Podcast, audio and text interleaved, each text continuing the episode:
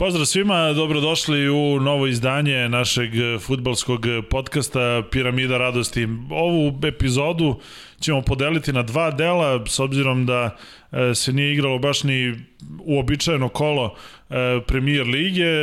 Posvetit ćemo naravno pažnje utakmicama koje su bile najzanimljivije tokom vikenda, ali s obzirom da se okrećemo reprezentativnom e, delu sezone i da će reprezentacija Srbije odigrati e, tri utakmice u samo nedelju dana. Drugi deo emisije ćemo posvetiti najavama e, tih duela sa Irskom, e, Portugalom, odnosno ekipom Azerbejdžana. E, s obzirom da nas očekuje mnogo toga zanimljivog, da odmah krenemo. Krenut ćemo od Španije, e, Atletico je iskrvario za pobedu, E, dobili su 1-0, Suarez, Oblak najzaslužniji za, za tu pobedu, ali još jednom smo videli da je Atletico u krizi, u problemima, da se muče, a na drugoj strani videli smo e, Barcelonu koja ima jednu novu energiju koja onako preti da, da, da opet učini Barcelonu onim, on, onim što je bila ranije. Nekoliko bitnih stvari zaista u ovom kolu za, za E, trend šta će da se dešava do kraja.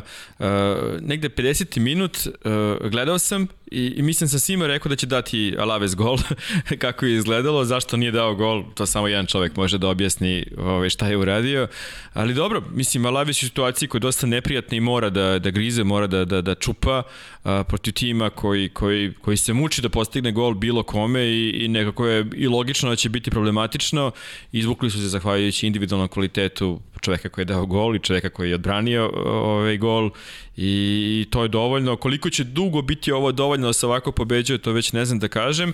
Onda gledaš Barcelonu i sve stvari koje je uradio Kuman od kada je došao, koje su kliknule sve na pravi način u utakmici koja je bila baš bitna da, da, da se pokaže e, koliko je klub napredovao, koliko je tim napredovao pre svega i, i koliko se dugo čekao taj desni bek koji igra desnog beka na način kao što Barcelona traži. Sad imaš Albu s jedne, imaš Desta s druge, imaš isti tip igrača sa obe strane. Ok, ovaj jedan je telepatski vezan za, za Mesija i to pravi razliku, ali pokazuje na koji način razmišlja trener koji razmišlja na duže staze, što je super.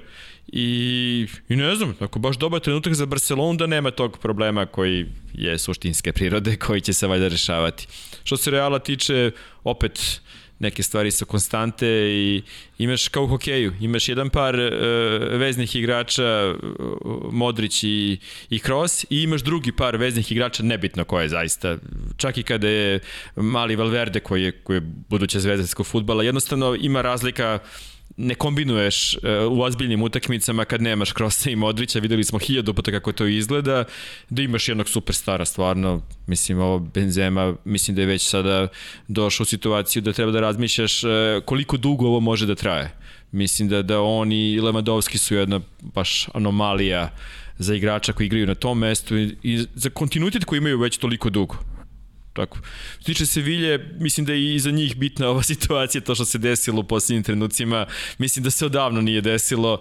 E, volim Bona kako brani, mislim da nije igrač za klub koji, koji je top 2, top 3, ali ima neke zaista neverovatne kvalitete i, i ta njegova reakcija kad je dao gol i šta će sa sobom i, i kako se tačan čovek ponaša, onako baš je, baš je iskreno sve i gol je spektakularan bio stvarno. Ove, ovaj, ne znam, mislim, Sevilla jeste top 4, verovatno, ali u ovoj situaciji iz tih minus 10 koji su krenuli zbog odluka i Saveza i Lige, nije lako da se vrate. Ali ima uzbuđenja, stvarno na sve strane. Pričali smo prošli put o Gerardu Morenu i o njegovi ulazi u Villarealu. Villarreal se izvukao iz, iz svih svojih problema i završio Evropu, rutinski završio i prvenstvo.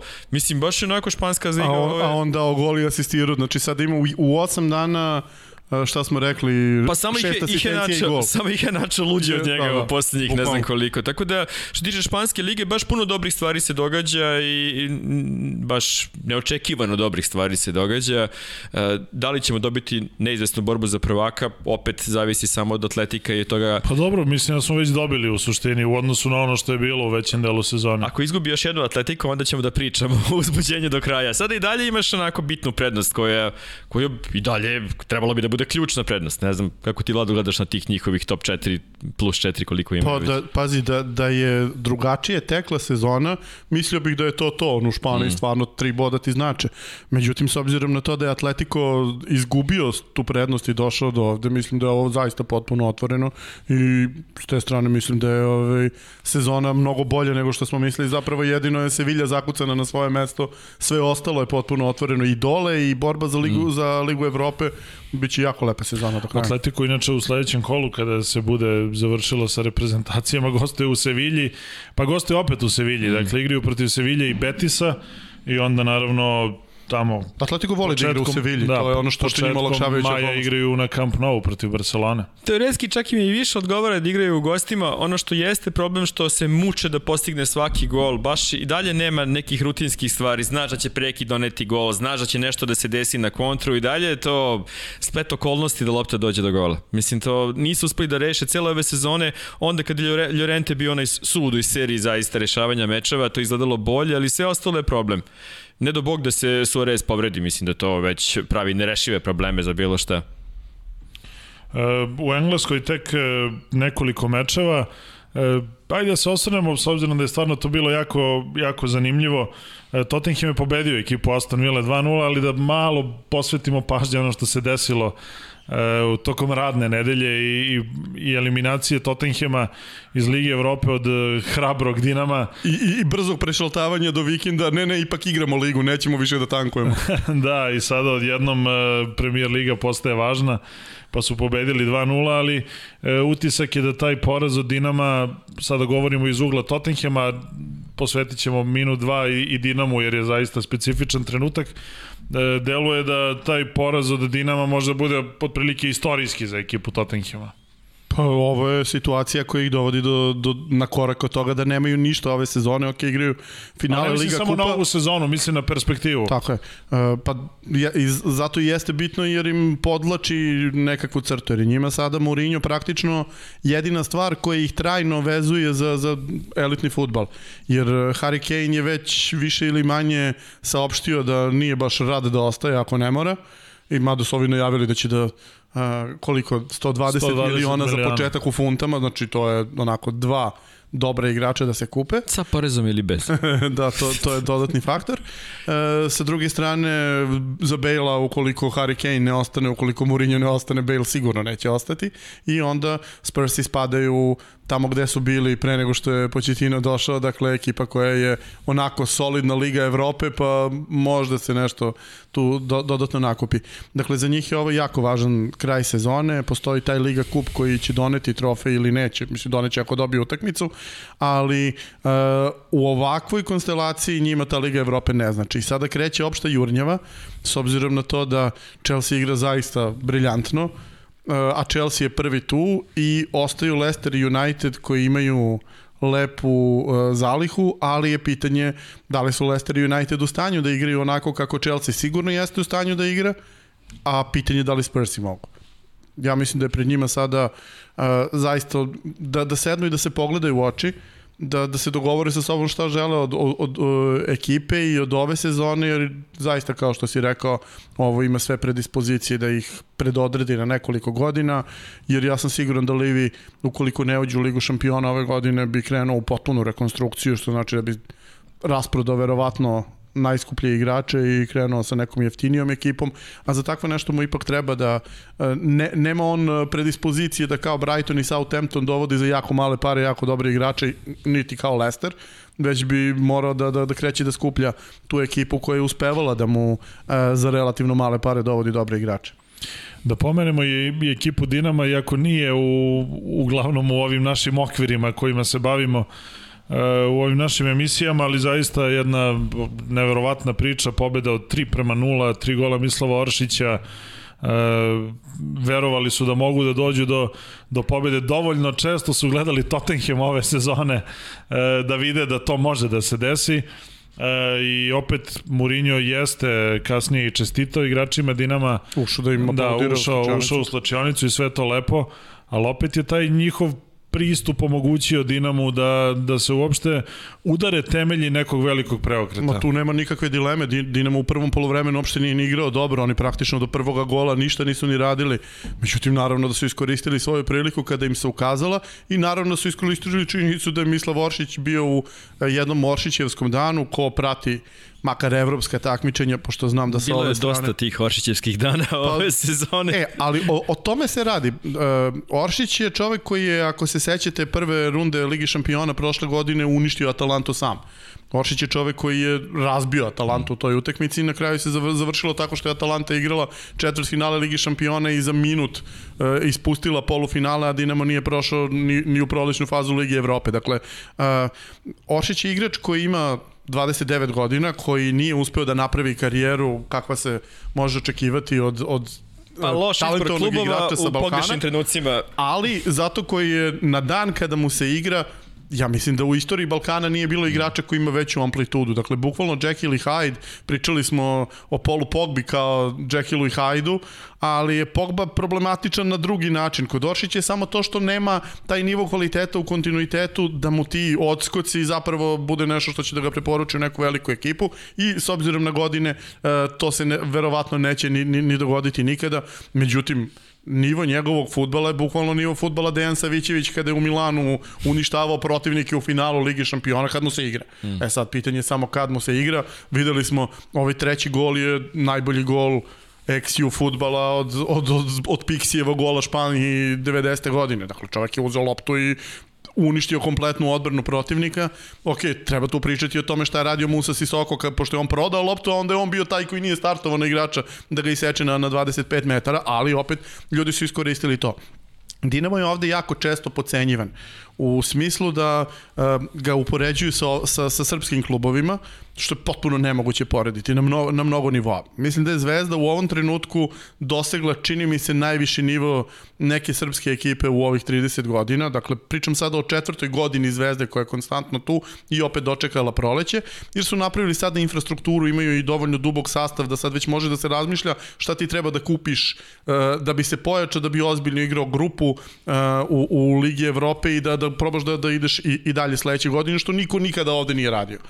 Dinamo je pet koraka iznad toga, mada je meni utisak da, su, da je ona fantastična godina Zvezde i Partizana pre sada već četiri sezone, to je četvrta unazad, uh, je njih probudila zapravo. Oni su dotle imali svu moguću bazičnu infrastrukturu, Dinamo 15 godina unazad, zahvaljujući uh, međugorskoj porodici, uh, drži potpuni primat u mlađim kategorijama, sve mlađe selekcije Hrvatske su kompletno sastavljene od Dinamovih igrača skoro, mogu da, da dovuku sa bilo ko kraja Bosne i Hercegovine, pokrivaju Albaniju, pokrivaju Makedoniju, Kosovo, Crnu Goru, bukvalno sve najbolje što, što igra tu hoće da dođe da igra za Dinamo. I napravili su nešto što bukvalno od bivše Jugoslavije nije postojalo. Uh, ono što što je specifičnost njihova, međutim je uh, nivo kvaliteta koji su podigli u posljednjih 4-5 godina sa tim mlađim igračima. Imamo golmana Livakovića koji je već sada spreman da igra zaista ozbiljan futbol. Imamo Guardiola koji se već prodao i igraće tamo ozbiljan futbol. Dakle, u ovoj prethodnoj generaciji uh, ti si doveo Danija Olmo ka, Olma kao super talenta i onda si od njega napravio dalje odličan izvozni proizvod sledeća generacija Dinamovih igrača je za klasu bolje od onoga što su do sada prodavali i ovakve situacije sada mogu da se dešavaju i redovno. Ok, neće pobeđivati stalno neko top 10 ekipa 3-0, ali to da igraju četvrt finala Lige Evrope, Mislim, za Boga Slavija iz Praga takođe igra mm. četvrt finala Lige Evrope sa svojim ultra negativnim futbolom, što ne bi mogao da igra jedan tim koji igra atraktivan futbol kao što, što igra Dinamo ono što je za njih čini mi se bio iskorak to je kada su i Zvezda i Partizan ih pogurali praktično da moraju da skupe hrabrost da rade to i oni jer su oni te 17. de facto imali bolji tim nego Zvezda i Partizan, a nisu radili ništa i čini se da ih je to prenulo i sna i to je jako dobro za XU futbol jer sada jedni drugi vuku gore. Dobro, je bila mala digresija, ali stvarno su zaslužili ljudi. Apsolutno, zaista. Pritom opet ovo, što se tiče Tottenhema, opet e, je slabost koja postoji, evidentno ta desna strana opet je iskorišćena maksimalno kod svakog gola, apsolutno. Nije čak ni bitno sa više ko igra tačno po desnoj strani, postoji ta provalija koja se tiče Tottenhema koji ne da, rešava po, Podzemne da. vode i to. I sad, A, autoput. Ne, ali, ali šta god, čini mi se da svi znaju da je to problem i samo čekaš trenutak da, da se desi, desi nešto, nešto lepo. Pritom, ako pričamo o Dinamu, mislim, nije, nije najveća stvar što su tukli Tottenham, tukli su i Arsenal, ali e, tući u eliminacijama u ovoj fazi, e to je nešto drugačije. I, i to iz 0-2. I da stigneš dva gola minusa i da uprkos uh, situaciji koja se dešavala u klubu tih dana, da sve to anuliraš i šamaraš protivnika i ideš dalje. To već nije se dešavalo. E, da ne posvećujemo mnogo pažnje FA kupu, e, ali eto, West Ham i Arsenal su odigrali jednu jako zabavnu utakmicu, pa da nekoliko rečenica o tome e, kažemo. Taman nasloni na, na seća se šta je West Ham uradio s Persima, Da. pošto je mu se ovde ogledalo dogodilo. Da, dakle, 3-0 su vodili, na kraju 3-3. Ovo su savršenih pola sata, zaista, tima koji zna šta hoće, koji ima lidera, koji igra modern futbal, koji koristi sve slabosti, koji koristi retardiranost protivnika u odbrani u svim situacijama, Uf, ali, ali čini mi se, e, bar svi mi koji gledamo, ovaj, zahvaljujući oboljenju Arsenal redovno, e, ja ne znam, na, na 3-0 ja zaista nisam verovao da je gotovo. Ja, ja zaista sam, okej, možda je to neka bolest, prihvatam, ali zaista sam mislio da, da 4-0 će biti problem, a 3-0 to se stiže, nije problem, stvarno. I na 3-1, 3-2 sam bio, ok, to je skroz logično i čak sam očekivao da se na kraju dogodi totalni preokret, što ne bi bilo fair. Pa pazi, prema- finiš utakmice izgledao kao da, Da. samo što nije 6-3 za Arsenal. Jel taj deo uh, West Hema da, da, da ne kapiraš da si bolji, a West Ham je bolji od Arsenala. Mislim, ne, ne, nema šta da se priča. Definitivno su bolji tim, kao, kao, kao ekipa igrača. Ne pojedinačno, pusti sada kvalitete i šta ko se radi i to sve. Uh, bolji izgledaju kao tim, znate šta ko radi, imaju neke situacije da su bez greške, posebno situacije u, u petercu, u prekidi i ostale stvari. I onda taj deo kad padnu, znaš da će da padnu. Iz nekog razloga to nije uspeo da reši Mojes nikako. A za Arsenal mi imamo onaj, onaj isečak gde je cirkus Medrano, ja ne znam stvarno šta da kažem. Mislim, to je stvarno, da, ok, opet taj Jekyll i Mr. Hyde, ali ovoga puta imaš više ovih nekontrolisanih nego ovi koji su straight. Ja ne mogu da objasnim, stvarno, neke stvari su Volio bih da imamo situaciju to, analizira Arteta sa svojim stručnim štabom utakmicu sa igračima. Kako razgovaraju čoveče? Da li slikovno pismo koriste? Da li ide klinasto pismo? Ne, kako objašnjavaju situacije kada on pita uh, Luiza i Marija šta su radili, šta mu kažu? Mislim, znaš, ono, iz džako kad pričaš nešto. Šta pričaš, čoveče? Mislim, stvarno, baš mi je onako čudno, moram da priznam. I ovaj, ali dobro, mislim da je ovo stvarno uspeh. Uspeh u ovoj situaciji si pobedio ti, da si pobedio, da si uzeo bod protiv tima koji je bolji od tebe, koji ima fizionomiju, koji zna šta radi. E, Arsenal zna šta radi 20 minuta do pola sata po utakmici. Ostalo vreme je to haotično kretanje, entropija vladina. Znači stvarno nemaš pojma šta se događa. Ali jeste zabavno kad imaš sponzora farmaceutsku industriju, ti pomogne da to pogledaš do kraja. Nemoj da preskočimo Da, a- a samo- Leicester United, molim te. samo ja tebe da pitam, i super, i sad kako ti objašnjavaš da Arsenal sa svim tim ljudima i dalje ima 15 bodova manje od tima kome na svakoj utakmici startuje Fred? Dobro, Fred je jedna anomalija u sistemu, zaista. e, Baš se trudim tokom svih utakmica da ne počnem da ga vređam direktno, stvarno, pošto nemam neki taj odnos koji ti imaš, na primjer, ali baš, baš si... Mislim, rekao sam, genijalni potez bi bio kad bi Fred došao igrao sa Džakom bilo kom klubu, to bi ugasilo futbol kao takav, zaista. Svi su primetili onu situaciju kada on asistira protivniku za gol. Ali čovjek je e, kod drugog gola se sklonio, krenuo pa stao. Jeste, zbunio ali ga je Matić to što nije uradio njegov e, posao. Ove, ali ove, imao si jedno 15 situacija mm. gde je ekipa na centru, otvara se kontra i on stane i doda pravo loptu. Grize, grizeš jezik sve vreme. Rekao bi svašta, ali nažalost ne dozvoljavaju. Čekaj, Cenzuriše se. Keleči je dao 7 golova na poslednje četiri utakmice. Otkad smo mi bacili kletvu na njega, Bukvalno, da, da ne zaslužuje i to Mada sve. Ruku, ruku na srce Kilečija i kod prvog i kod drugog gola juče stajao tamo gde napadač ne treba da stoji jer ne može lopta da dođe do njega. Kako je lopta došla do njega i kod prvog i kod drugog gola koji je dao, to je na, najveći pitanje. Dobro, ovaj drugi gol i ovaj tvoj lider mlade generacije, E, zaista pazi, ali lider mlade generacije manje više. Meni je Harry Maguire u stvari nešto o čemu najviše treba pričati. Opa, protiv kapitena. Harry, pa nije protiv niti bilo šta. Ovo, ovo je pitanje trenera. Ne možeš protiv jedne jako mobilne napadačke linije koje čine Vardi i Keleči koji se razlače mm. sve vreme da kažeš igračima da ih prate striktno, da ih bukvalno igraju flastere sve vreme. United je na drugo polovreme izašao da igra flastere na njima. Šta se dešava?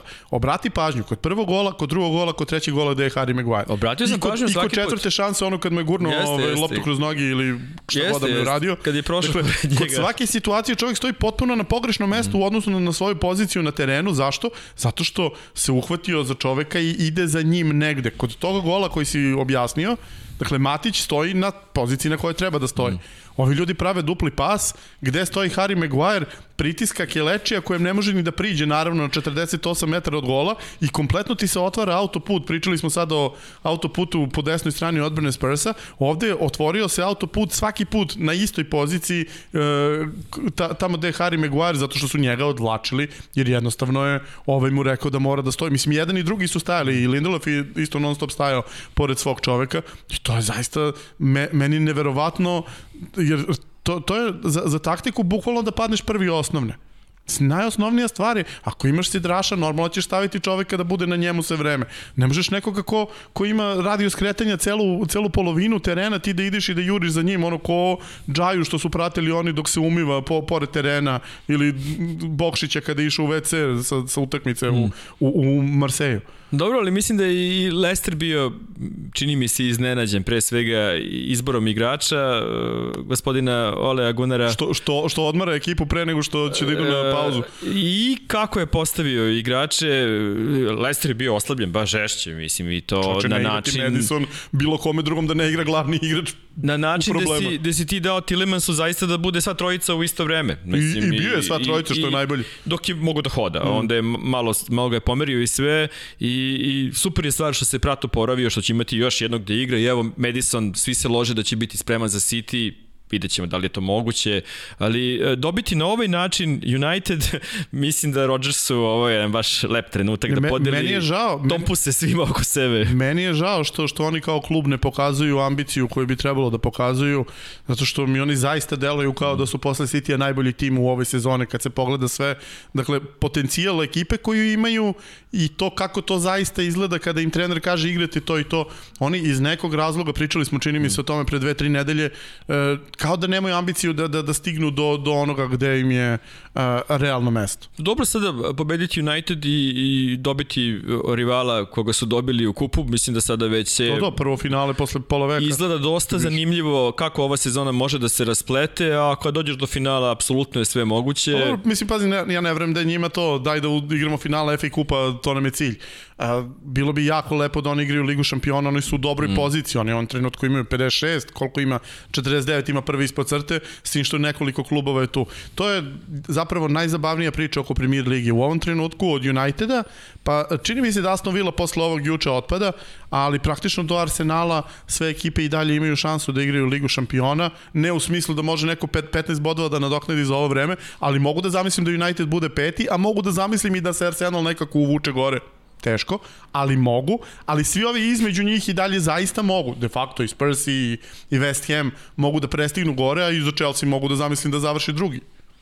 Dobro, mislim, dobili smo jednu, nije baš uzbudljiva borba za prvaka, no, ali ima uzbuđenje na drugim nije, da. stranama, da. Dobro, ipak smo pričali malo o FA kupu.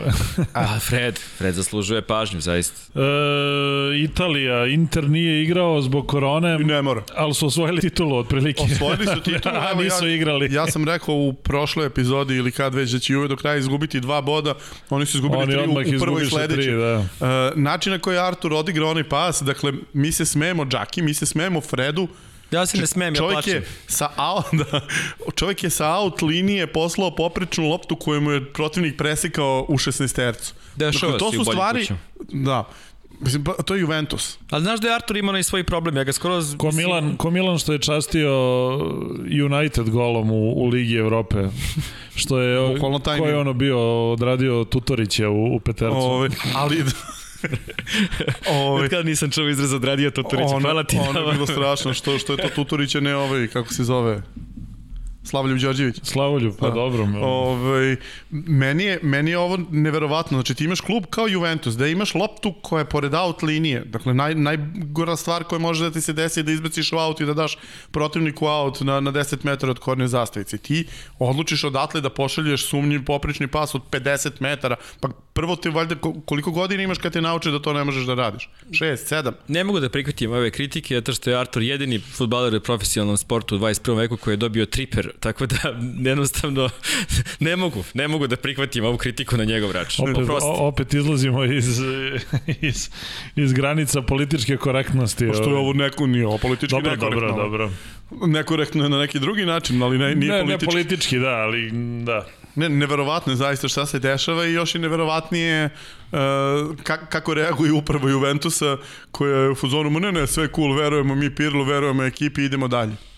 A dobro, na druge staze to poverenje neki put donese rezultate. Otko znam, mislim, e, neko je sigurno doneo odluku, ne zbog toga što je Pirlo lep dečko, jeste, mislim šta god, e, dobar igrač i to, neko vidi tu mogućnost da to može da se desi neki napredak. E, e, Mislim, koliko ćeš još dugo da čekaš da se nešto promeni? Ok, ostaće Ronaldo ako sam shvatio da je to sada više sklonuto, Pa ko, sklonjeno ko, s ko dnevnog će da reda. kupi Ronalda, ko će da plati Ronalda toliko para? Pa ja verujem da samo na računići Everton kao moja omiljena destinacija za sve, ja verujem da Paris Saint-Germain može da zamisli tim sa Neymarom, Mbappeom, Messijem i Ronaldom i Serhijom Ramosom I i. Mocom Vukotićem. Evo da mi ispuni meni želju. Nema nikakve veze i Moca Vukotić. To. Ja bih voleo, što da ne? Ne, ne, Hoć, hoćemo da pređemo na Paris Saint-Germain. Dakle, prošlo kolo smo pričali o francuskoj ligi. Ti se počeo s Tuturićem, ja Moca obožavam. Izvini, molim te. ja Tutorića ne obožavam. Pa kontra. Mislim, nemam ništa protiv njega. Ovaj. Prošle nedelje smo pričali o francuskoj ligi kao neizvesno. Malo teško sad. Dobro, ajde, okej, okay, evo. I šta, I šta nas sačeka? Sačeka nas to da ekipa Lila u trenutku kada ima prvo mesto na vidiku i kada im dva direktna protivnika igraju međusobno, izgubi od Nima i da ode Pariz u Lyon i da unakazi Lyon. Demonstracija sile. Ali bukvalno unakazi Lyon. Pa Toliko dobro, o francuskoj Ali ligi. mislim da smo definisali to da Paris Saint-Germain, Saint-Germain zaista igra samo kada mu se igra. Da, da stvarno tih minus 6, pa minus 10, pa 3 fore, pa igrač manje, znači zaista više kao neki eksperiment, mislim, ajde da se pripremaš i da jedino što je bitno Liga šampiona, da sve ovo ostalo je zaista sekundarno takmičenje, pa tako se i ponašaju. I neki put kada im se igra zaista izgleda, pa kao kad se nerviraš kad gledaš Bayern, ok, kapiram da ima ljudi koji ne vijaju za Bayern, ali ja se baš nerviram, zaista. Ono, crveni karton po četiri gola. Ne, ali zaj, ne, ne, ne znam više da kažem. Ono, ono, mislim, baš teško mi je, mnogo mi je teško. Situacioni trening. Imam tog prijatelja, našeg zajedničkog kolegu koji, koji navija za Bayern i baš ga vređam svaki put, konstantno, putem mreže Viber. Idemo dalje. Putem uživo. to. Pa dobro, mislim, da li da pominjamo Hoćemo uopšte? Pa ajde malo, mislim, pa da pređemo na reprezentacije, Pa, mislim, nema više šta, šta, šta drugo. više reći, Bayern je toliko jači od svih u ligi da oni stvarno mogu da uvežbavaju situacije ovde i divim se zaista. Misliš da su namerno dobili crveni karton? Divim se, pa ne bi me iznenadilo. Pa što ne uzmu džaku, pa da probaju s njim da to radi? E, pa to bi bio To problem. bi da. bio reality pravi. Znaš da ima neko ono tipa To lako je, je... to je realno budućnost Dobro, ali- sporta, E. jer su sve utakmice već odigrane i milion puta ponovljene. Ubacimo mene u, ne znam... 15 minuta, 9 Arsenal, na 11, da tebe, voleo. tebe u Tottenham. Nemoj nemoj mene, Tottenham. molim te, molim I tako, i onda, i onda u takvim situacijama nekome uvališ nekoga, pa onda ajde sad da te vidimo kao. Imao je neko baš onu priču, znaš, za, za, za Mesija i sve, lako je Mesiju što je najbolji igrač sveta milion puta, najbolji strelac i sve. Ajde ga vidim da osvoji nešto sa Mustafijem u odbrani. Znači, to je to. Je to, To je budućnost, to je budućnost sporta. Znači, challenge, Mustafi challenge. Ajde sad ti odgovori na to. Ono što je problem sa, sa tih nekoliko igrača, to je što primetit ćeš da ih uvek kupuju isti klubovi. Dakle, ne, neki klubovi ne dovode takve igrače, a drugi klubovi dovode takve igrače. Bayern Što ne je- dovodi takve igrače. Bayern ne dovodi takve igrače. Posljednji put kada su takvo nešto doveli, čovek je uhvatio pa je spalio kuću i od tada e, su shvatili da je osim e, analize e, načina na koji neko igra i njegovo, njegovih tehničkih karakteristika jako bitno e, malo analizirati ličnost. Pričali smo o Markusu Rohu za koga su čelnici Je, Manchester je United. Breno spalio kuću. Da, da. Da, dobro, Ka, dobro. kada su kada još se zove Breno, pazi, mislim, čo, čovjek se zove pališa i spalio je kuću. Ove, se, sećamo se da je kad Znači, je nisam Mar- samo ja. mala, on je, mala on je. škola portugalskog. Ove, kad, pa više nemačkog. Ove, e, ka- kada je Roho došao u United, ne znam da li su svi koji gledaju ovo to ispratili, ali e, jedan od čelnika Uniteda kad je već potpisao za klub na internetu, odnosno na Google-u, pronašao da, da protiv čoveka postoje dve aktivne optužnice i da mu se sudi za dva fizička napada, jedan u rodnoj zemlji, jedan u Portugalu, e takve stvari se ne dešavaju drugima. Hmm. Dakle, ne napadaju uh, ili Liverpoolove igrače po tržnim centrima, nego ih nego napadaju igrače Arsenala. A misliš da je to da to nije slučajno? Ba, sasvim mislim da sigurno na nije taj slučajno. konkretan slučaj. A, pazi, na, je znači mnogo mentalni kompleksna profil... tema, sad me malo boli glava od ovoga što je nešto- rekao, ali da... Na mestu zločina sa Vladimirom Novakovićem. mentalni profil igrača Liverpoola je takav da godinama unazad, ja mislim od trenutka kad su Rahima prodali, nemaju čovjeka koji je problematična ličnost u timu. Oni su Što ima raščistili... problematičan čoče, samo što ima dece za celu opštinu vraćaš zajedno, ali nema nikakve veze, šta sad je? Mo, možda je stao posle onih one troje sa 17 godina. Ovi, da, e, prestali su to da rade zbog toga što im je mentalni profil nešto što jako je bitno prilikom dovođenja igrača, pričamo o Liverpoolu. U Unitedu to nije, u Arsenalu to nije i zato tu završavaju takvi igrači. Pa dobro, to je samo da ispratim da je... Kako smo ovde dogurali, pričali smo o Bayernu i o njihova četiri gola. O tome kako oni ne bi doveli nikada Džaku. da je Šalke zadržan kvalitet igara od dolaska Mustafija Jeste. i ostali koji su došli, tako da je to jedan vrhunski učinak, zaista. Dobro. E, hoćemo da pređemo onda na, na reprezentativni deo. E, možemo i da, da pozovemo gledalce da šalju pitanja i vezano za, za reprezentaciju. E, reprezentacija Srbije na jednom novom početku, ju, jubilarnom 80. Teo sam kažem, a kad nije novi Pa početak to. za Srbiju? E, igraće u sredu uveče protiv Irske, pa e, zatim e, u subotu, je li tako? U subotu protiv, sa Portugalom. protiv Portugala A. i onda Baku. onda u Baku protiv e, Azerbejdžana. E, naravno, glavna vest je dolazak Pixija, mada druga glavna vest se dogodila tokom dana i predsednik je podneo ostavku, što je i bilo predsednik Futbolskog saveza, e, što je što je i bilo ovaj što je i bilo za Ko te očekivati ne zna, Plavšiću. što je i bilo za očekivati e, tako da jedna zanimljiva situacija u svakom slučaju Ja sam ti rekao šta mislim o tome i prošli put. Mislim da je on nebitan bio i dok je sedeo na toj funkciji. Jer se Ma dobro, nećemo ni da pričamo o tome. Pričamo njega. o futbolu, pričamo o Pixiju i pričamo Naravno. o reprezentaciji samoj. E, jeste nezgodan početak u smislu što eto okupili su se u ponedjeljak igri u sredu, ali i, i drugima isto tako, I, I nezgodan je zbog toga što najvažniju utakmicu kvalifikacije igraju u sredu. ali opet Ali za to su sami krivi jer se ali, raspored organizuje. da, ali opet e, nije tako loš trenutak jer Irci su poslednji put dali gol pre, ne znam, dve godine otprilike i A se fali sećaš im- koliko su dali u Beogradu prošli put? Pa dobro, okej, ali fali im koliko? Fali im 9, 10 igrača i to nekih vrlo bitnih igrača. Branit će im golman koji je, ne znam, iz treće engleske lige i tako dalje i tako dalje, bez obzira na sve i bez obzira na neke bolne e, lekcije iz, iz prošlosti Srbija ima ulogu velikog favorita i jednostavno ukoliko želi da ide u Katar Srbija tu utakmicu mora da dobije bez obzira na sve. Mene sve te stvari koje si rekao plaše. Odmah ti kažem, ovaj, više sam optimista na utakmicu za utakmicu sa Portugalom nego, nego protiv Irske i ako uzmem za ozbiljno ono što je selektor Stojković rekao o tom umetničkom futbolu i o igri koja će napadački. biti prepoznatljiva, baš me je strah. Apsolutno me je strah. Uh, mi govorimo znači o sredi na stadionu Crvene zvezde koje je Čekaj, gledao... a- ajde, ajde polako redom. Šta ćete vi raditi u sredu?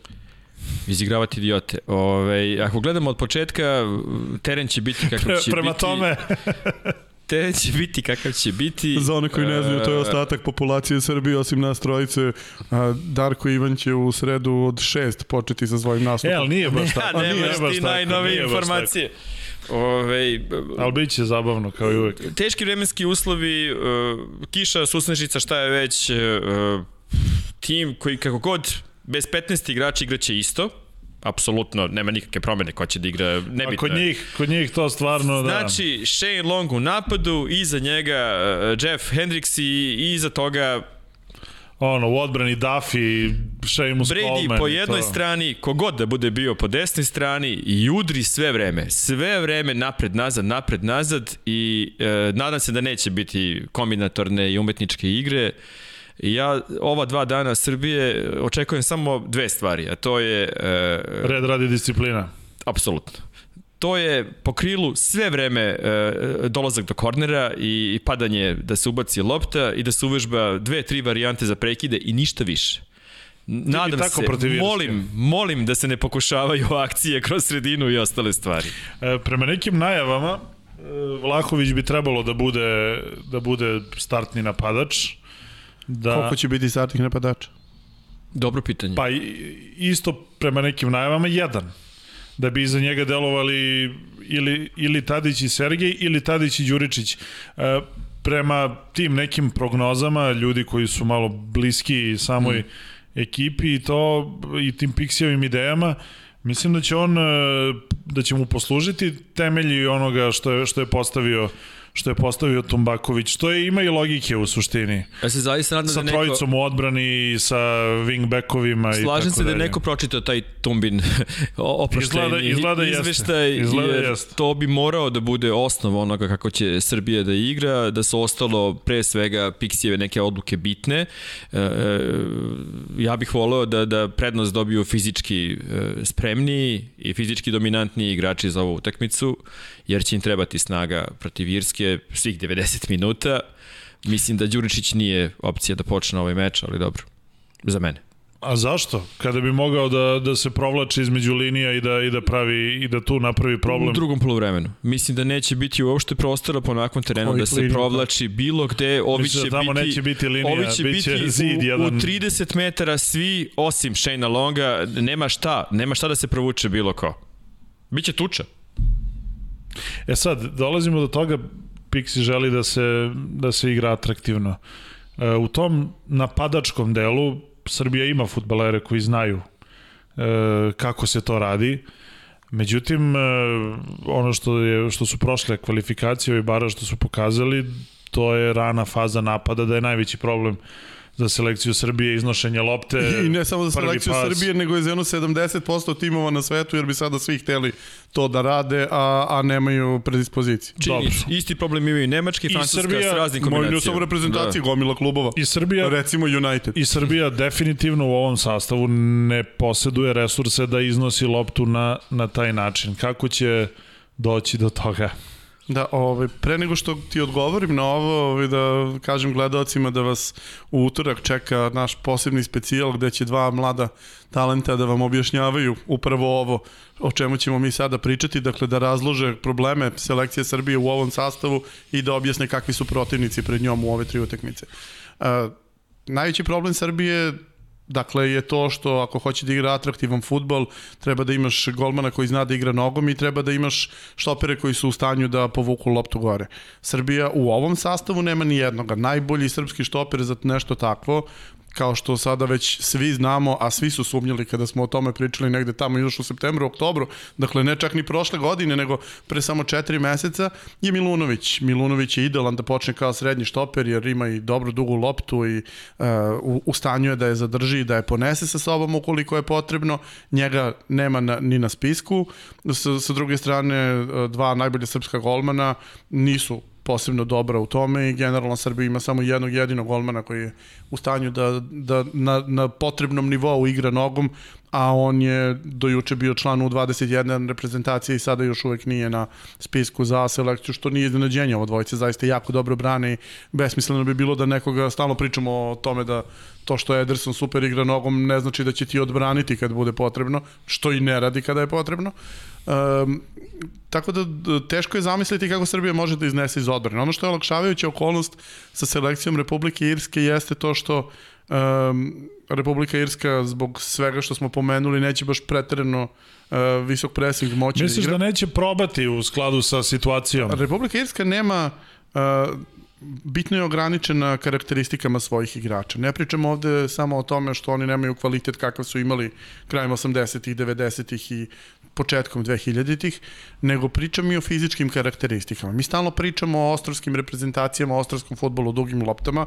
Pogledajte sastav reprezentacije Republike Irske, visinska razlika prvih 11 Iraca je jedno 6-7 cm na srpsku stranu. Da, samo štoperi su zapravo visoki ovo ostalo. I jedina prava opasnost kod prekida jesu štoperi. Uh, ono što će Irsima biti uh, na, najbitnije zatvoriti to jeste sredina. I s te strane uh, čini mi se da Srbija u ovom trenutku ima dosta pogodan roster tih igrača na sredini jer su svi u stanju da jako dobro obave svoje defanzivne uloge i čini mi se da će one biti važnije od ofanzivnih.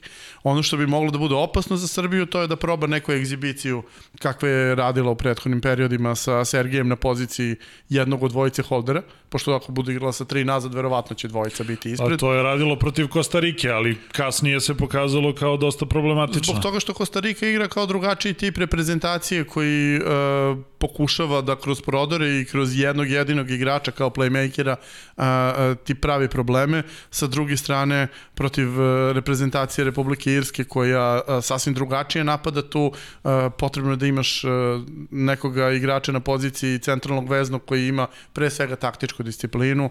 Sergej prirodno to nema jer se ne traži to od njega, njegova uloga na terenu je potpuno drugačija i, i, i to bi bilo opasno. Kako sklopiti onda vrh terena, to je potpuno drugo pitanje, da li je zapravo dobra ideja napasti sa Mitrovićem kao igračem koji jako dobro poznaje sve te ljudi jer igra protiv njih svake nedelje, da li napasti sa dvojicom kako je Pixi često radio u tokom svoje uh, trenerske karijere, to je takođe ja, jako lepo pitanje. Uh, ja ne mogu da zamislim lagani ulazak u napade, ali Srbija će imati većinu lopte na ovoj utakmici, tu nema nikakve dileme. E, be sad, da li je onda najveća opasnost e, ove nove selekcije Srbije, e, da li je njena najveća snaga upravo po krilima, s obzirom da je Kostić u neverovatnoj formi, s obzirom da je Lazović pokazao jednu stabilnost igrajući za reprezentaciju, ali opet da bi njih dvojica doprineli utisak je da štoperska linija mora da ima dobru loptu i da bar jedan zadnji vezni bude taj koji koji distribuira lopte. E, jedan od dvojice zadnjih veznja koji bi trebalo da igraju, a Gudelj i Maksimović su se nametnuli kao prirodna rešenja što zbog e, Matićevog i, i Milivojevićevog povlačenja, što zbog nekih drugih stvari. Pa ogromna razlika, razlika u iskustvu u odnosu na da. koji bi takođe tu mogli da igraju, jer su oni ruki... Sad koliko, evo recimo, to si ti pominjao u studiju kada, kada ste pričali o, o reprezentaciji, E, koliko bi Milivojević značio ovakvoj reprezentaciji Srbije? Ja stvarno mislim puno i to sam čak i rekao. O, o, sada neke odluke koje su donesene, Ajde, Matić je, su... Matić je možda čak i prirodno se mm. povukao iz reprezentacije, ali povlačenje Milivojevića je neprirodno. Dakle, nije on, vidi se 29 da... godina čoveč. Ne, vidi se da se borio i on sam sa sobom mm. oko toga i neki principi i tako dalje. Ali šta, misliš da, da je Pixi došao i da mu rekao majstore, ajde dođi da igraš, vidim te ja u ekipi. Ja sam ubeđen da bi to prošlo. Šta, ubeđen. šta Milivojević bi odio Pixija? Apsolutno, ne, ne, ne, pa rekao bi da. Kažem. Rekao bi da, mislim da su jednostavno da, dozvolili sebi da, da budu sebični obojica u situaciji kad to nije dozvoljeno. Mislim, to što je isprovociran Milivojević time što se dešavalo, ja to razumem, ali mislim da... Pa da, ali evo, evo, uh, on je navodio prvog čoveka Saveza kao, mm. neko, kao, kao neko ko je glavni krivac što on nije tu, je li tako? I ja se nadam da ta priča nije završena, da će, da će Pixi i Savez da odreaguju na način na koji se očekuje. Taj čovek više nije prvi da, da. čovek Saveza. Mislim, sad nevezano za to, mm. ali hoću da kažem, e, Srbija nema baš fond od 50 igrača kao Francuska ili Portugal, pa sad kao neće Milivojević da igra, nema veze, ako mm. neće ne mora. Mislim da je, da je potreban drugačiji pristup, a na toj poziciji bi te kako značio, mada ruku na srce Milivojević nije standardan baš ni u, ni u Crystal Palace-u. Znamo, ali Crystal Palace je toliko jedna, jedna anomalija u da. premier ligi, ne treba tako gledati njegove oscilacije. Ali takav tip igrača ogromne. bi u ovoj ekipi stvarno dobro došao i ta, te konstitucije. I... Pogotovo za Irsku. Mislim sada opet e, to iznošenje lopti i vezni igrač, pa Gudelj to često radi u Sevilji. Sevilja opet igra jedan atipičan futbal i sa Kundeom i sa Carlosom koji izlaze mnogo visoko mm. i ceo vezni red je malo čudan i Gudelj se vraća i iznosi loptu i sve. On to može da radi. Ali opet onda imaš probleme na drugom delu terena, ako imaš i Sergeja u timu, ako imaš i, i Đuričića i Tadića, ne može tako da funkcioniše, čak ni protiv Irske u ovakvom stanju. Mislim da taj, taj deo balansa u ekipi onako ne može uz dva treninga da će prvi biti upoznavanje i, i priča i druženje i da napravimo tim i da večeramo zajedno i da kažem ko je kapiten, ti praktično imaš samo jedan trening pravi. Ma dobro, jasno je da tu nema sad da. neke velike taktike, više, e, za to je potrebno, više ono princip ajmo momci. To, za, I to Pixi može. Mislim, to je stvarno velika prednost što imaš takvog čoveka koji je u stanju da ih namotiv... Idemo. Ja znam kako, dao sam gol Martino Vasquezu i još ga traže tamo i to sve. Znači, to može da prođe. Na duže staze, taj deo organizacije, kako se ponaša centralni bek, gde odlaze ostali vezni igrači, koji iznosi loptu, šta radi golman koji ne zna da igra najbolje nogom. Znači, to su stvari koje čak i u klubskim uslovima treba prođe šest meseci. Pixi do duše to je apostrofirao kada su ga pitali za formaciju, gde on rekao da formacija ne mora da bude najvažnija, već određeni mm. principi e, principi igre nije realno da on to uspostavi u celom ovom prvom e, terminu. Dakle, ovaj prvi termin je preživljavanje, snalaženje i Pixijev autoritet da kaže, momci, znate li vi ko sam ja? Da.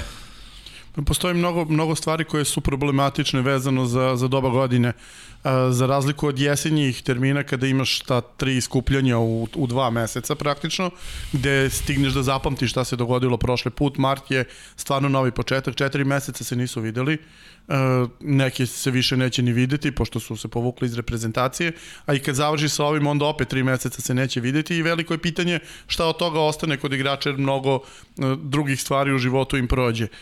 Sa druge strane, Pixi prvi put trenira bilo koga u Evropi, što je potpuno novi faktor u celoj toj priči. Ono što jeste sigurno, ako u Srbiji postoji neko ko može da izađe na crtu bilo kom igraču ove sadašnje generacije i da kaže ti si super, ali samo pogledaj mene, Pix je bolji igrač od svega što Srbija danas ima. Pix je siguran sam danas bolji igrač od bar pola domaće prve lige, danas da se skine. Bez problema. E, tako da e, s te strane Srbija je pozvala svoj najveći autoritet. Dugo je Srbija pokušavala da crpi i najbolje rezultate ostvarivala kada imala najveće trenerske autoritete u smislu Radomira, u smislu mm. Muslina, ljude koji su napravili nekakve e, karijere kao treneri i onda su mogli da dođu igračima da kažu Srbija više takve opcije nema i pozvala se na ono drugo najbolje što postoje, a to je bolji futbaler od svih ovih koji sada igraju i čini mi se da, da je sada uh, bukvalno će zavisiti od njegovog autoriteta šta se dešava. Srbija uh, je pokazala na onoj utakmici sa Rusijom pre svega da može da igra dobar i lep futbal. Međutim, Republika Irska, pitanje je koliko taj lep futbol može da donese. Sledeća utakmica Portugal, situacija u kojoj koliko god da ti lep futbol igraš protiv tebe tim koji je jači od tebe za pet klasa. Ali opet, otko znam. Mislim, Hoće li ta utakmica, protiv... evo da pređemo prirodno na, na, Portugal? na, na Portugal, da? Hoće li ta utakmica e, biti provera onoga što Pixi najavljuje? Dakle, ok, dolazi ti Portugal koji je jedan od najjačih timova na svetu, i da li će on izaći da se nadigrava sa njima, evo mi igramo lepo, kao što je RNDF igrao ono, rezultati 5-4 i to... Ja se nadam da neće i nadam se ja da, da, će, nadam da, neće. da, da, da će u toj utakmici da uradi. Mislim, ajde da se razumem prvo oko nekoliko stvari. Pixi nije samo dobar futbaler, Pixi je jako inteligentan čovek. Uh, I uh, tokom cele karijere si mogu da pratiš način na koji mozgom reaguje na stvari. On jeste naravno kao i svi geniji uh, ima tu crtu egoizma što je pokazivo čini mi se najviše u karijeri onim čuvenim penalom u finalu kupa protiv borca ali kada pratiš tok njegove karijere ti vidiš da on jako dobro bira rešenja. I siguran sam da neće to uraditi protiv Portugala, da će protiv Portugala e, ekipa da, da se postavi onako kako jedino prirodno. Ono što mene u suštini najviše brine, mi sve vreme ovde pričamo, koliko godina unazad, kako Srbija samo mora da spozna gde se nalazi, kako mora da prilagodi svom igračkom kadru i svojim, e, svom realnom kvalitetu načina koji će igrati, to jest da zgura igrače nazad jer nema preterano kvalitetnu mm. odbranu i onda mora brojevima da se brani, kad, odnosno kvantitetom kad već kvalitet nema, a da takođe takođe njihovim prednjim igračima odgovara širi prostor napred, a ne naguravanje koje smo videli na svetskom prvenstvu koje ni u što nije vodilo. kako ćemo sada promeniti taj mentalni sklop, to je da li ova reprezentacija sa nekoliko novih igrača može tim kvalitetom da, da novim kvalitetima koji ima da, da izgura to da zaista možeš gore da, da, da, da napraviš gužu umesto da je praviš nazad. Protiv Iraca ćemo to najbolje videti. Protiv Azerbejdžana se pretpostavlja da će Srbija sve vreme imati loptu iz više razloga, doći ćemo i do te utakmice. Ali protiv Portugala jedina logična stvar jeste da smisliš kako ćeš se braniti uh, relativno duboko, kako ćeš sprečiti Portugal, jer jedine reprezentacije koje su uspele da spreče Portugal su one koje im nisu dale da, šut, da šutira iz 16 terca. Naravno, jedna od tih reprezentacija je Francuska koja je prvak sveta. Ali je sistem koji je Francuska primenjivala tu nešto što može da ti bude vodilja za Portugal, to je jako, jako plitko jako, jako se uh, spustiš se, se do, dole skroz u, u bloki i ne daš im da šutiraju sa malih razdaljina i onda pustiš igrače kakvi su Bruno i, i, i mnogi drugi tu igrači da pokušavaju udrcima sa 30 metara. Oni su u stanju predivne golove da postižu, ali im je uh, frekvencija tih golova prilično niska. Ono što, što je veliki problem za to, sve se slažem naravno, je to da Portugal igra prvu utakmicu sa Azerbejdžanom, a Srbija sa Irskom, onda stiže druga utakmica. I e, treba očekivati kombinovan tim Portugal Portugala protiv Azerbejdžana i najjači tim protiv Srbije, šta očekivati za drugu utakmicu Srbije? Biće najjači tim Srbije protiv Irske. Šta će biti na drugoj utakmici?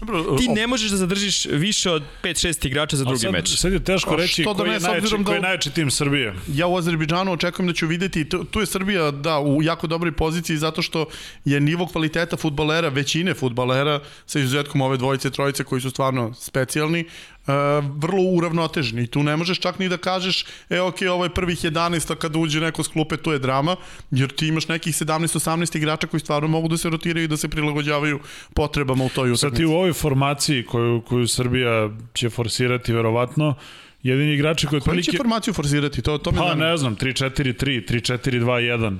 Uh, jedini igrači koji su praktično nezamenjivi u tom smislu su wingbackovi, jer Kostiću je to idealna pozicija, Lazović je to idealna pozicija, Tadić gde god da igra, on mora da igra.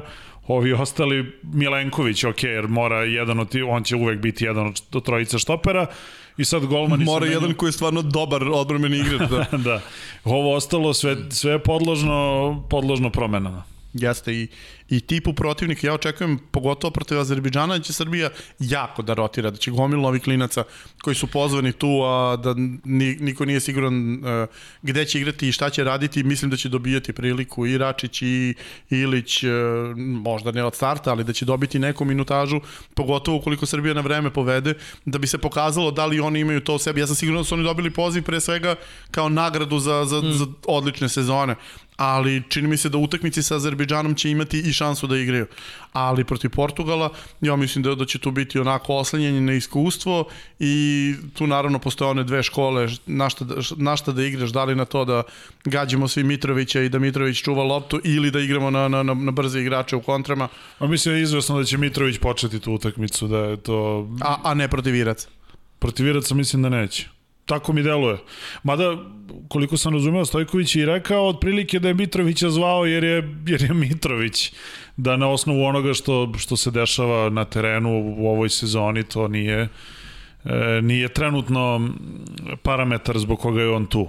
Dobro, znajući srpske medije, mi ćemo verovatno imati već utorak e, tim koji, da. koji će igrati u sredu, tako da ćemo vrlo brzo znati e, sve te dileme kako je razrešio selektora, a da su bitne stvari svakako e, ne znam, baš se redko događa da jedna utakmica, ta prva, toliko definiše šta ćemo dalje da gledamo, jer ako se desi neuspe protiv Irske, ne znam kako to može da se popravi u nastavku kvalifikacije. Sad Srbija to dugo nije bio slučaj, e, najveća zvezda srpske reprezentacije je ponovo selektor. I čovek koji je najbolji futbaler koji je postao selektor pa čak i, čak i ako gledamo možda i bivšu Jugoslaviju, jel, ili sam nešto propustio, pa mislim Pixi je jedan od od najvećih futbalera u istoriji bivše Jugoslavije, u, verovatno i najbolji srpski igrač po mom mišljenju. Za mene je prvi na, tačka. Najbolji srpski igrač svih vremena, dakle, e, dugo nije bio takav slučaj, zapravo nikada nije bio takav slučaj da tako veliki bivši futbaler e, bude selektor. E, to može da bude eventualno problem jer on i dalje kad ustane ujutru i kad se pogleda u ogledalo, on kaže sebi ja sam, ja sam Pixi, takvi ljudi e, često nisu spremni na, na prilagođavanje taktike, na neke kompromise, nego e, guraju neku svoju priču do kraja. Koliko to može da bude problem? Pa sve može da bude problem u ovoj situaciji. Ono što je dodatni problem je tih dva i po dana, dan i po da, da shvatiš E, šta tačno imaš na raspolaganju, kakvom su stanju igrači, koliko su spremni da, da, da odgovore to što bude tražio od njih. Ne znam, ovde stvarno najmanji si trener, više si psiholog i motivator. Mislim da je to sada takva situacija toliko imaš malo vremena da, da se baviš pripremom utakmice, ok, svakako da slučaj šta pripremije utakmicu, slušali smo Pixija, spremali su Irsku sve vreme, Portugal malte ne, nisam ni gledali, pitam šta je gledaš Portugal, ko da će ti pomoći ovako i onako. Gledaš ih na TV da, svaki to, dan. Tako da vidjet ćemo stvarno šta je urađeno i, i e, dokle su pripreme došle i mislim da tih priprema direktno zavisi izbor igrača koji će igrati u tome što on želi za prvu utakmicu, da je to njegov onako predstavljanje javnosti, da li može da odigra na rezultat, da li može da odigra u vremenskim uslovima koji nisu idealni, protiv protivnika koji nije idealan, da odigra najbolje što može da se pobedi. Mislim da taj deo uh, lepog futbola totalno je nebitan na te utakmici sa Irskom, nadam se da je nebitan, želim da je nebitan, mi jedino što je bitno je pobeda protiv Irske i ništa drugo. Zaista. A s obzirom da je apostrofirao da je taj lep futbal, da ljudi uživaju da gledaju Srbiju, jako važan. Pa znam, ali niko ali... neće reći došao sam na moj futbol, reprezentacija igra ružan futbal, mislim. Ne, ne, ali, ali razumem, ali e, vrlo mali, ali zaista vrlo mali broj reprezentacija igra lep futbal. Francuska je šampion sveta, igrali su naj, najkorisniji mogući futbal, ništa posebno to nije bilo u, u Rusiji. Belgijanci su igrali ubedljivo najlepši futbal, pa su ispali od Francuske koja ne igra ni približno tako lep futbal. Ukrajina igra lep futbal, eto tu bih stao na primjer.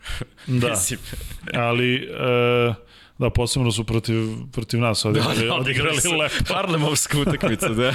Ali, e, da li misliš da će insistirati po svaku cenu da ispoštuje to što je obećao da mora da se igra napadački, da mora da se igra lepo ili ako povedeš 1-0 protiv Irske u 14. minutu, osvestan si da oni verovatno ne mogu da ti daju gol, da ćeš da budeš po principu, ma dobro, ajde, polako, ima vremena za lepotu. Ja se zaista nadam da njegov nastup ceo koji mi je bio super, zaista, da je bio više u, u, u funkciji PR-a, u, u, u funkciji toga ja sam Pixi, ja pobeđujem i ja sam došao da Srbija igra futbal kao što mora da igra.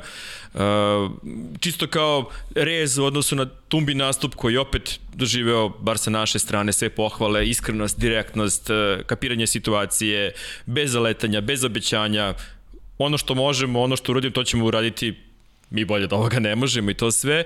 Pixi je posle neuspeha koji je napravljen u tim porazom od Škotske jednostavno napravio otklon od toga. Ovo je sad drugačiji stil, jako žestoko, sa velikim obećanjima, sa velikim pričama. A koliko će to suštinski biti drugačiji stil? Jer recimo ono što je Srbija igrala protiv Norveške, to je bio lep futbal, to je bio izuzetno dobar futbal. E, protiv Škotske je očigledno bio neki psihološki problem. Da, da, da. Uh, jer nemoguće da baš toliko loše odigraju posle, posle tak, mislim moguće, ali... I, I to protiv slabijeg tima u odnosu na jači. Pa to, to, na, dakle, očigledno je psihološki problem, dakle, treba ubediti igrače da eventualno to, u, da što češće igraju, a i onako bar blizu kao što su igrali protiv Norveške. To je opet dobra konstatacija i pitanje jednostavno ovaj deo da je Pixi i glavni igrač i selektor i prva zvezda tima e, odlazak ovih igrača koji više ne igraju jednostavno olakšane situacije zaista je e, Pixi Mourinho u, u Porto. Znači taj, taj deo sve je on. Od njega sve zavisi. Slušajte me, gledajte me, pratite me uradite ono što sam vam rekao. Imam svoju desnu ruku, to je Tadić. Svi ostali izvršavaju to što govorim. Otko znam, možda uspe. Mislim, Porto je postao prvak Evrope e, tako Imao si tim sa šest odličnih igrača, dva ok igrača i dva igrača, imao si Murinja i uspeo si da uz malo sreće pobediš ove vladine na Old Traffordu i da osvojiš. Da se odbije lopta do koštinje. Dešavaju se te stvari, što da ne. I imaš, imaš I da, igrače. I da neko vidi offside gde ne postoje. Sve je to bilo u skladu sa pravilima igre, tako da dešavaju se te situacije i ako mi igrači veruju i ako funkcionišu, sve je moguće. Zaista je sve moguće, tako da da pobediš i u sezoni koji su Galacticos u kojoj su svi protiv tebe da, da ti uspeš da osvojiš trofej. Sada, opet to se nije desilo posle dva i po dana rada sa ekipom koju si okupio, onako baš je puno negativnih faktora oko ove situacije, ali tako je kao što jeste. Jedno teško, ali e, jedno teško pitanje, ali odgovor je, da kažemo, jednostavan, podrazumeva jednu reč. Koliko bodova će Srbija osvojiti u, u tri utakmice? Hajde vi prvo, ja sam Šest. negativan. Dva. Stvarno. Da. Bod protiv Portugala, bod protiv Azerbejdžana. Stvarno, misliš da ćemo izgubiti od Irske? Imam neki maler koji me udara u glavu. Nismo se bavili Azerbejdžanom uopšte. Samo izvoli. Ja mogu da pričam o Azerbejdžanu ako hoćeš i o Može. stadionu. E, ti si bio, da, da. možeš malo ovaj, da... Pa to će takođe taj, biti zavel, faktor. taj touch. Azerbejdžan je interesantan pre svega zbog toga što ih vodi čovek koji je uh, otišao na evropsko prvenstvo iz grupe u kojoj je bila Srbija sa selekcijom Albanije. I ovaj, pobedio je Portugal u gostima u, u toj grupi, ako se ljudi mm. ovaj, ne sećaju. Igrao je sa Danskom nerešeno, dakle nije samo kako su odigrali sa Srbijom, onih koliko se igralo, 60 minuta ovde i 90 tamo, već uh, ceo njihov način na koji su igrali i njihov nastup na tom evropskom prvenstvu da su i, i zaista bili bolji nego što je moglo da se uh, pretpostavi. Uh, ono što znamo to je da će igrati izuzetno organizovan futbal, to je da će igrati na kontre, to je da će igrati na mnogo više dugih lopti nego selekcija Irske, na primjer. Uh, tako da uh, to će biti zaista interesantan test jer uh, svi znamo šta su azerbejdžanski problemi, njihov najveći problem u futbolu je to što imaju mnogo para i što njihovi najbolji igrači ne idu iz Azerbejdžana da se razvijaju dalje nego lepo igraju u svojim klubovima. Eto, kad I više para pa, Pa- postane problem. Pa to i jeste, količina čini otrov, jeli, to su još latini govorili. Uh, Ovo je tako da, na Ercega kad je sve pričao o treba starim imati umereno. I novcu, onda kad si pobedio koronu prvi put u Ćao korona Pa studiju. mislim, to, Si to, su, nit? To su stvari koje su potpuno logične. Moraš da ovaj, pratiš to. Ovaj. E, e, svega treba imati umereno, Kina ima mnogo stanovnika, pa pogledaj na što im liči futbal, Arapi imaju para koliko hoće, koja njihova reprezentacija funkcioniše ako ne pokupuju sve igrače sa strane, kao ova koja će biti takođe protivnik Srbije u junu. Ove, sve o svemu dosta toga ima da se ove, e, e, pripremi za tu utakmicu sa Azerbejdžanom, ali tu će Srbija moći da igra najlepši futbol i da Azerbejdžan najviše prostora ostavlja upravo tamo gde je Srbija najjača, a to je na, na poziciji većeg broja playmakera koji će moći da, da, da traže prostor ispred njihovog uh, 16-terca. Ono što jeste činjenica tu uh, će moći da se radi šuterski trening jer Azerbejdžan dozvoljava mnogo šuteva uh, i golman im ne brane baš najbolje, možeš da im daješ golove sa distance. Znači, Sergej. Pa, ne samo Sergej, tu će 4-5 igrača moći na, na, na različite načine da doprinosi. Uh, ja zaista mislim da će Srbija uzeti 6 bodova, mislim da će pobediti Irsku kako tako, mislim da će izgubiti od Portugala jer uh, nisam siguran da baš ima u, u nekom drugom trenutku, mislim da bi idealan trenutak bio da je Srbija igrala drugo kolo u Portugalu jer to bi postavilo Baciš stvari tu utakmicu Da, Ali, i... ali ne samo da baciš tu utakmicu, nego tu utakmicu kažeš momcima, e momci, ajde pa ako uradimo nešto, bit će herojski i tu vid- vidim da bi čak i moglo da se uzme nešto od bodova, jer e, Portugal je po tradiciji najčešće kada je gubio bodove, gubio tu prva kod kuće ili nešto takvo, pa onda posle juri, to su u svim kvalifikacijama radili. Da je ono sa švajcarcima kad su se jurili u grupi. Da, to je isto su ispustili bodove. Na kraju su u poslednjem kolu igrali sa Švajcarskom kod kuće, morali I su ih prestigli, pobede, tako. pobedili su i I ne samo tada, to, to su radili prethodno kad su bili sa, sa Švedskom i Danskom u grupi, to su radili u krajnjoj liniji u grupi sa Srbijom kada su bili, oni su prvo kolo izgubili kod kuće od Albanije. Dakle, oni uvek uđu malo opuštenije tu na samom startu i super bi bilo da se tu igra u gostima ovaj, utakmica koju si već otpisao protiv uh, favorita i, i, i, i ovaj, ekipe iz prvog šešira u gostima. A što Ovako ti rekao za bodove? Koliko osvaja Srbija? sedam. Sedam. Sedam. teško. Jel 3-1-3 ili nešto Pa 3-1, neočekivani? 3-1-3, da se ne pravimo pretarano pametno. Stvarno sedam? Pa mislim te prve utakmice u grupama, posebno kada se igraju derbi, a eto da kažemo, mislim Portugal i Srbija su najbolje ekipe u ovoj, u ovoj grupi, E, mnogo, mnogo oprezno se to igra i mislim da neće ni Portugalci sad mnogo da se zaleću ok, naravno favoriti su i verujem da će pokušati da dobiju, ali mislim da im neće biti katastrofa da odigraju i nerešeno u Beogradu i da bi to mogla da bude onako malo malo zatvorenija utakmica sa malo više taktiziranja. E, ja, ja mislim da Portugal neće taktizirati i mislim da, da je to zapravo ključno pitanje. Ako Srbija bude rečila da, da, da spusti loptu, mislim da je to najveća šansa Srbije, dakle da se igra na nekih 0-0, mm. eventualno 1-1, na neki prekid, nešto, pošto Portugal nije tim koji ne prima golove. Oni primaju dosta golova, sada neće biti ni Pepea, dakle imaćeš lakše vazdušne duele protiv njih. Ne brani ni Rui Patricio. Da, plus im, ma dobro, ali oni imaju nekoliko dobrih golmana, a nije ni Rui Patricio toliko bolji od ovih ostalih. Mada je bilo nekoliko utakmica gde, gde je bio u reprezentaciji zaista spektakularan. Mm ali e, generalno ako bude išlo na veći broj golova biće kao prošli put kada je bilo na veći broj golova, to je 4-2, dakle šansa Srbije je da, da, da se igra na, na 0-0-1-1, ja ne očekujem da, da tu može da se uzme nešto stvarno, bar iz ovog ugla 5-6 dana unapred, ali protiv Irske mislim da Srbija mora da, da, da nađe način kako zna i ume da pobedi. Srbija je često umela u takvim situacijama da kako zna i ume pobedi, pa onda posustane kada pomisli lako ćemo, sigurno neće pomisliti lako ćemo pred ovo, jer nisu imali vremena ni da se spremaju, niti bilo šta, sve kreće Nisu imali prilike da misle ni lako ćemo, ni nećemo lako. Došli su, tu smo, ajde da vidimo šta ćemo. Ali opet, naravno, nemojte zaboraviti, Irska je bila protivnik u prvom kolu Moslinove grupe i 2-2 je bilo u Beogradu po onoj kiši zastrašujućoj gde nije bilo ni 10.000 ljudi na stadionu. Dobro, neće biti, treba, ni, neće biti treba ni biti sad. spektakularno oprezan protiv njih e, i naravno ne pomisliti da Irci igraju futbal kakav ne igraju, a to je Irska nema visoke igrače, ne može da igra dugim loptama osim dijagonala. Računajte sa njim da će držati sve na zemlji. Znači da krenem ja Irska igrati klasičan ostarski futbal dugačkim loptama na visoke igrače. Taj da krenemo odmah.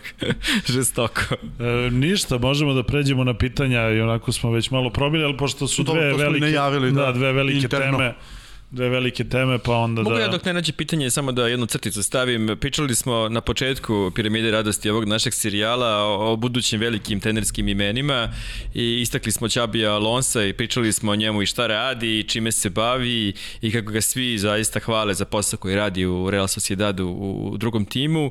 Danas je pojavila vez da će preuzeti Borussia Mönchengladbach na, na, na kraju ove sezone i ja sam očaran zaista očaran.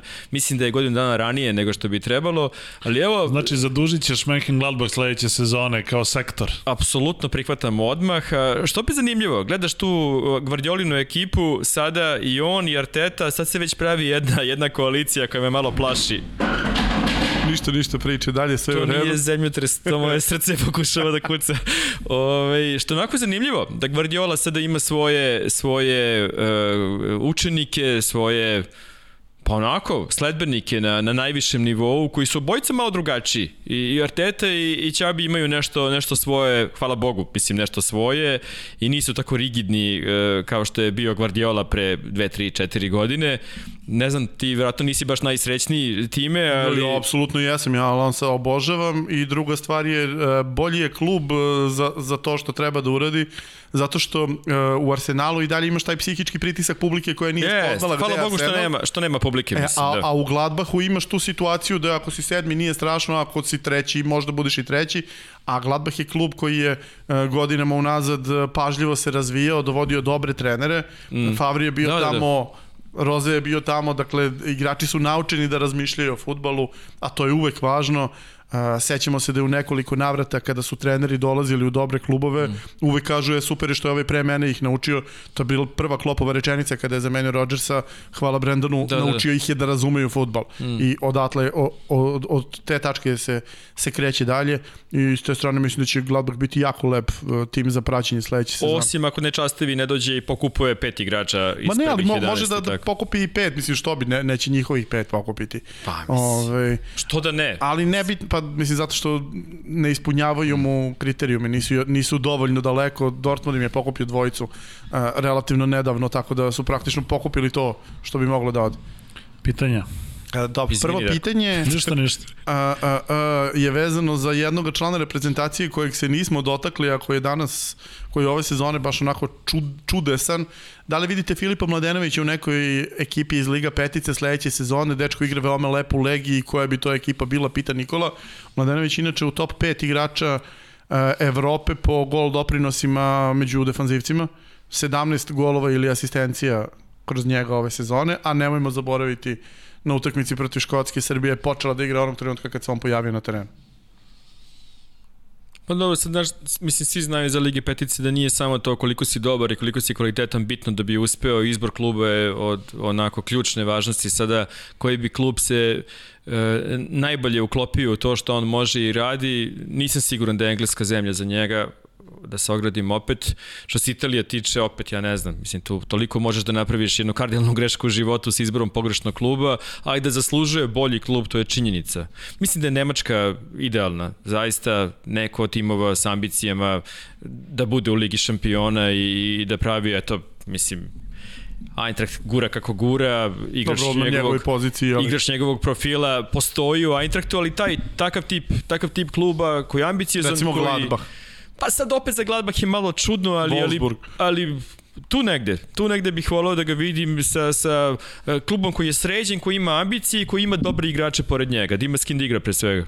To, to ima smisla uh, kada se gleda novija istorija Poljaci, odnosno igrači iz Poljske lige uglavnom se prodaju i to uspešno mm. u Italiju i Nemačkoj, tako da Ali kako, to kako, kako izabereš dobar klub u Italiji za igrača kao što je on? Znači, kojim metodom izabereš šta će da se dogodi sledeće A godine? Ti znaš 7-8 klubova koji igraju futbol i 7-8 koji ne igraju futbol, samo izabereš neku Veronu, neki Sassuolo, nekog Ali to korak da. napred za njega uh, posle Poljske? Ja mislim da nije. Misliš, a? Pa, pa dobro, ne, ne može da igra iznad toga.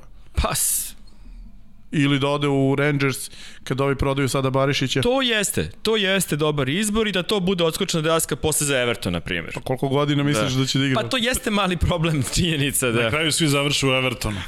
pa, znaš ti mene. 2037. Everton na rosteru 409 igrača. Pa to smo ih mi selektirali 300, ali dobro. Pita Nemanja, da li mislite da je Kuman igrom slučaja zbog povreda štopera našao najidealnu poziciju za De Jonga?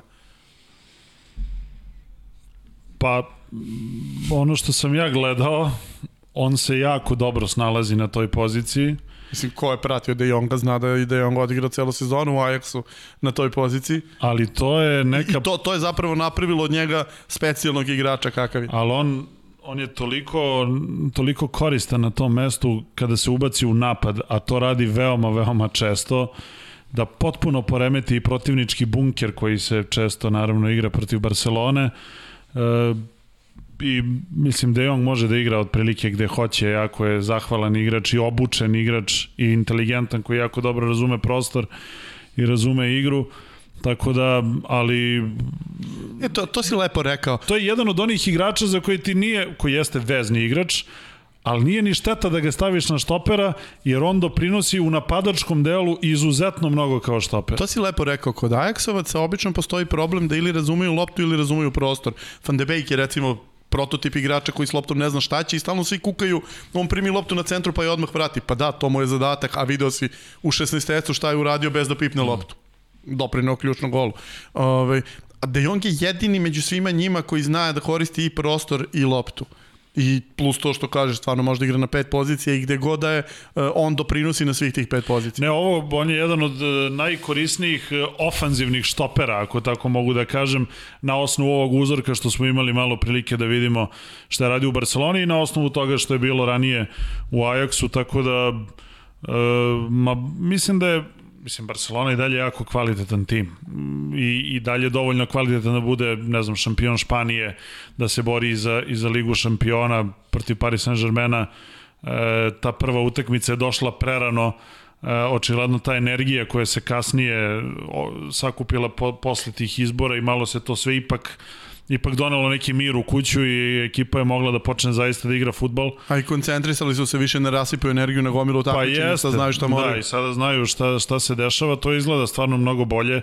I ne mogu da kažem da je Barcelona prvi favorit za osvajanje titule jer imaju četiri boda manje i ne pitaju se oni, ali igraju trenutno najbolji futbal od, od svih ekipa tu. Uh, al, a opet nije samo do Mesija, nego stvarno se igra. Ima i Za razliku od svih prethodnih sezona. Jeste, i ovi Dest jako bitnu ulogu ima u tom, u tom ofanzivnom delu, napada se mnogo po njegovoj strani, uh, De Jong se stalno ubacuje, stalno, stalno je pretnja, tako da uh, mogao bi Kuman od nekog trenera koji je tu došao kao neki krizni trener, da, da se poklope kockice da, da to bude i na, i na duže staze, jer ako neko ima autoritet, on ima autoritet, takav je trener. Jer, jer je direktno doneo tom klubu prvi trofej pa, prvaka prvi Evrope. trofej prvaka Evrope, da. Tako da e, on autoritet ima, možda nije tipičan trener za Barsu kakve smo trenere navikli da gledamo u poslednjih, u toj eri dominacije Barcelone. Iako je igrao za njega. Da, ali, ali ovaj, šta znam, mislim, mo, možda bi to moglo, možda bi ova sezona mogla da bude nešto potpuno novo od Barcelone. Ja sam pričao da Jongu više puta i pisao sam u knjizi o De Jongu. Ja zaista mislim da je on najveći igrač ove generacije te generacije iz koje on, dakle ne ove Mesijeve, nego ovih uh, koji su još u, u mlađim 20-ima, uh, mogu Mbappé i Holanda budu najbolji strelci svoje generacije, međutim De Jong je jedini koji može da promeni futbol uh, i mnogi su ga kad je bio mlađi poredili sa Johanom, ali on uopšte nije to, on je Kaiser Franz ako ćemo nešto, dakle on je viđen da bude to libero, da između različitih linija se kreće i da radi različite stvari uh, po potrebi, ako treba iz utakmice u utakmicu, jednu utakmicu da igra na štoperu, drugu da igra na ofenzivnu ima, ima tu Busquetsovu inteligenciju i, i, i sposobnost da, da učini ekipu boljom, s tim što je mnogo obučeniji još mnogo od Busquetsa. bolji futbaler, da. Bolji futbaler. Uh, mislim Busquets u najžem smislu. Busquets je genije ovaj, i sa onim svojim veštinama dokle on dogurao to je Absolutno. nemoguće bukvalno De Jong ima isto to samo što je još mnogo bolji igrač uh, da li je loš period Liverpoola završen povratkom Fabinja u sredinu i vraćanjem Žote u napad? Pa s jedne strane da, dok se ne dogodi nova povreda, dakle da, mislim, ne bih se baš zaletao, ta, ti maleri kao da se još nisu zaustavili, ali da sve izgleda mnogo logičnije i lakše i bolje, ok, nije neka baš posebna mudrost da se to primeti i, i verujem da će čak i na kraju i Tiago da izgleda bolje uz odgovarajući vezni red. Ovo sve ostalo da sada bilo mučenje za ceo tim, tako da vidjet ćemo. Nadam se da se neće zezati sa tim povratkom uh, Van Dijka na teren do kraja sezone. Nadam se da, da su mislim. toliko inteligentni. Pa ne mogu mnogo da dobiju, a mogu mnogo da izgube, tako da ne pa verujem da će to raditi. mogu da čoveka, mislim. Taj... Ni, nizak plat, plafon i duboko dno. Jer to je razlog, znaš, onako igra do kraja sezone, ići će i na evropsko prvenstvo, nadam se da, da postoji tamo neki razum među ljudima, mislim. Misliš da neće ni na evropsko da ide? Na, mislim, Vam pameti, ali... Pogotovo sad kad su našli štopere. Da. Vam pameti. Uh, I posljednje pitanje, da li mislite da će Tuhilov Chelsea biti glavni protivnik City u sledeće sezone ili i dalje vidimo Liverpool to uprko sa ovoj loše sezone? Ja mislim da će to da, da bude u troje da, da ne treba isklju, isključiti uopšte Liverpool iz te priče. A misliš da Liverpool i dalje može da prati City s obzirom na, na, na tu neophodnost 90 ja, bodova? verujem, da, verujem da će malo da se prilagode. Da je ova sezona bila određeni vakum koga su svi bili svesni, da su i financije uticale na sve i da će, da će malo unaprediti tim i da će to biti dovoljno da, da, se, da se prati uh, mislim da se prati City da budu ravnopravni u borbi za titulu, ali e, Chelsea bih zaista uključio u tu u tu borbu, mislim da imaju da će imati sve što je potrebno. Ima sjajnih analiza Chelsea, promene u Chelsea u igri ove sezone, kako su uh, prestali da pritiskaju skroz visoko, nego su počeli pritisak da vrše malo dublje. A uvlače, i da im uvlače to, protivnike. I da im je to napravilo razliku, da su I opet Kanteov doprinos je jako veliki. Ja sam baš da kažem, Tuhel je prvi uh, od ovih trenera u novijoj istoriji Chelsea koji, koji nije rekao da, da može i bez njega, da mu nije potreba za njegov stil igre. Samim tim je genije čovek, zaista. Jer sećaš se ranije kako su dolazili, svi su pokušavali da nađu varijantu da ne mora Kante da igra, pošto on igra samo kad se oduzima lopta, samo kada ili se pritiska. Može da igra krilo ili ne. Ili kada bi mogao da bude tamo malo da ga ne gleda, Tuhel razume šta ima u svom timu i to koristi na pravi način. Evo, Tuhilu smo pričali pre nego što je stigao da je on ekstremno fleksibilan čovek i da uh, je on uh, ima sve predispozicije da izvuče sve što je moguće izvući iz ovog Chelsea jer imaš pet različitih timova u jednom timu, mm. što ne bi probao to i da iskoristiš i mislim da je to dobra veza sa ovim što sada pričamo, ukoliko Pixi bude mogao da izvuče iz Srbije sve što može da izvuče, a to je takođe jedno 3-4 različita tima i da ih prilagođava protivnicima, Srbija bi mogla da ima jako lepu budućnost. Ja da budem iskren, ne vidim da ima mnogo šansi za Katar iz prostog razloga što prvo postoji dominantni Portugal u grupi, da, da se plasira na svetsko prvenstvo. Uh, prvo postoji dominantni Portugal u grupi koji ne mogu da zamislim da Portugal dozvoli sa ovakvim igračkim kadrom i sa ovoliko iskusnim Da, selektorom mogu da idu kao da drugi. prvo mesto. Pa, e, e, često je Portugal to sebi dozvoljavao. Pa onda im uleti Francuska u baražu. Ovoga puta to ne verujem da će dozvoliti sebi, a što se tiče drugog mesta, ja verujem da će Srbija biti druga u grupi, međutim, bar će biti jako neprijatan, 12 ekipa, uh, morate dve ekipe u tri dana da dobijete, ne vidim Srbiju kao tim koji je u stanju da, da, da dobije dve utakmice sa Ta- dobrim ekipama u Da, nizu. ta druga utakmica je obično problem. Tako je. Ništa, to bi bilo to, najduže izdanje Piramide radosti e, privodimo kraju, e, analizirat ćemo e, utakmice reprezentacije Srbije po, po završetku tih mečeva. E, imaćete prilike naravno sve to da ispratite na, na našem kanalu. Re, reci mi koliko ćete ostati posle utakmice na stadionu? Ne bi trebalo dugo. Pa pa ništa onda, znači oko ponoći, a? Pa možda i ranije. Možda i ranije. Lonča Ja, ja se da da vas vidim posle 5 sati ovaj, smrzavanja tamo, ja sam jednom radio tu taj tip emisije, dosta je bilo neprijatno. Ali bit ćemo zajedno a i rekao mi je Darko da postoji neka grejalica na nekom mestu negde. u nekom trenutku ako nije zauzeta. Biće, e, igraće se mu, muzičke grejalice. Pitaću ove ljude koji će biti tamo da slikaju kako vam je gore tokom negledanja Ajde studija. završi ovu emisiju. E, dakle, ništa. Bavit ćemo se reprezentacijom i utakmicama reprezentacije u narednom e, periodu. Pratite nas, ostanite uz nas. Pre E svega, da, i, i sutra gledajte ovaj naš eksperimentalni ovaj Koliko sati? program. Pa nemam pojma kada ćemo da stignemo da ga okačimo, ali ne, u neko popodne da bi ljudi stigli da, da ga se nagledaju do, do srede. da, bit će tu detaljna analiza, onako malo stručnija igre. Novi, bolji, pametniji I jedne i druge i treće protivničke, plus podcast. pričamo o tome Srbija šta radi i, ovaj, i koje su opcije Srbije i šta je izostalo za ovaj ciklus s obzirom da neki igrači nisu pozvani, a mogli bi da pomognu. Ništa, budite uz nas, e, bit će zabavnih sadržaja u narednih e, nedelju dana. Pozdrav!